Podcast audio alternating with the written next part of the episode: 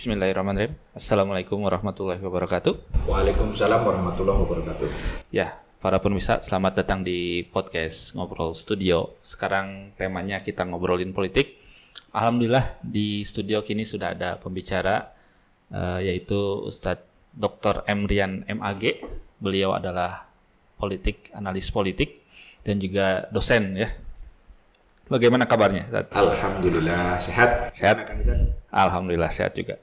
Uh, nah sekarang mungkin untuk kesempatan kali ini kita akan membahas tema yang ya barulah uh, baru diumumkan artinya udah resmi Biden sebagai presiden AS walaupun nanti ya dilantiknya Januari 2021 yeah. ya tapi sudah resmi dan headline-headline di seluruh dunia mungkin ya sudah hmm. membahas hal ini. Nah uh, terkait uh, Biden menjadi presiden AS ya menggantikan Donald Trump yang sekarang juga masih belum rela masih masih, masih tidak rela untuk kalah. Nah, nah yeah. uh, mungkin dari Ustadz bisa ngasih apa ya uh, resume singkat dulu lah apa yang terjadi di AS saat, sekarang saat ini lah nanti kita yeah. coba diskusi dari sana.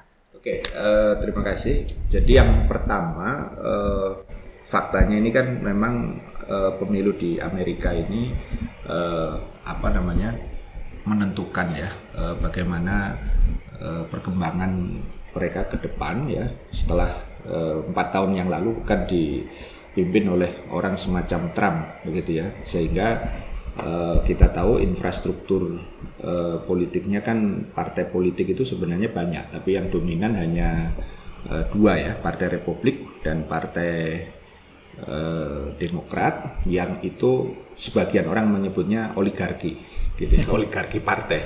Gitu. Jadi bukan hanya oligarki uh, apa pengusaha atau atau apa namanya istilahnya konglomerat gitu ya yang yang yang ada di situ. Nah oleh karena itu yang terjadi pasti uh, hanya ada dua calon. Ya hmm. kalau petahananya adalah uh, Trump empat tahun lalu dia mengalahkan partai Demokrat ya uh, dalam hal ini adalah Hillary Clinton.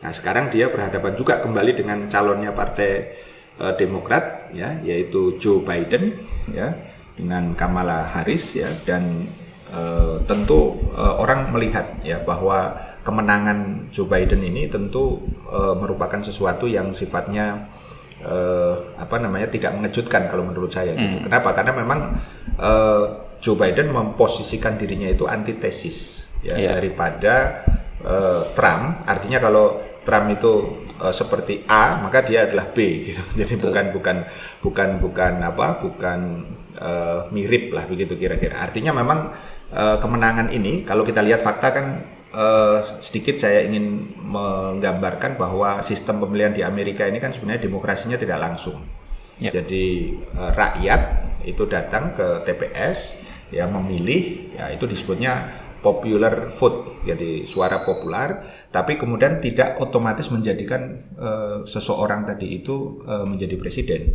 Nah, kemudian sebenarnya mereka itu memilih apa yang disebut dengan elektor, yang kemudian kita kenal sebagai uh, electoral uh, college, ya, yaitu orang yang mewakili tiap negara bagian untuk memilih ya hmm. uh, uh, presiden yang sesungguhnya tadi itu. Jadi jumlahnya uh, kurang lebih dari seluruh negara bagian di Amerika itu adalah 538.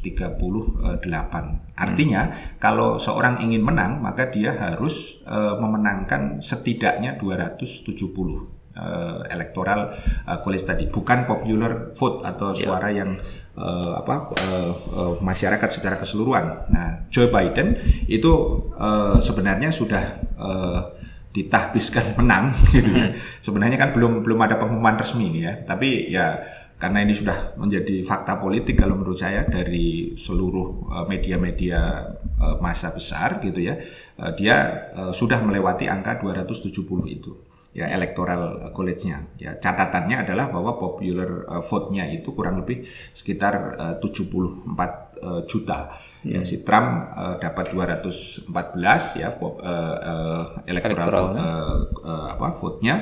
Uh, kemudian dia dapat kurang lebih sekitar 71 juta di popular ya yang ada di situ. Artinya memang fakta ini ya memang uh, menegaskan ya Joe secara uh, real itu menjadi uh, presiden uh, ke 46 ya eh, Amerika yang kemudian nanti akan dilantik pada tanggal 20 eh, Januari eh, 2021.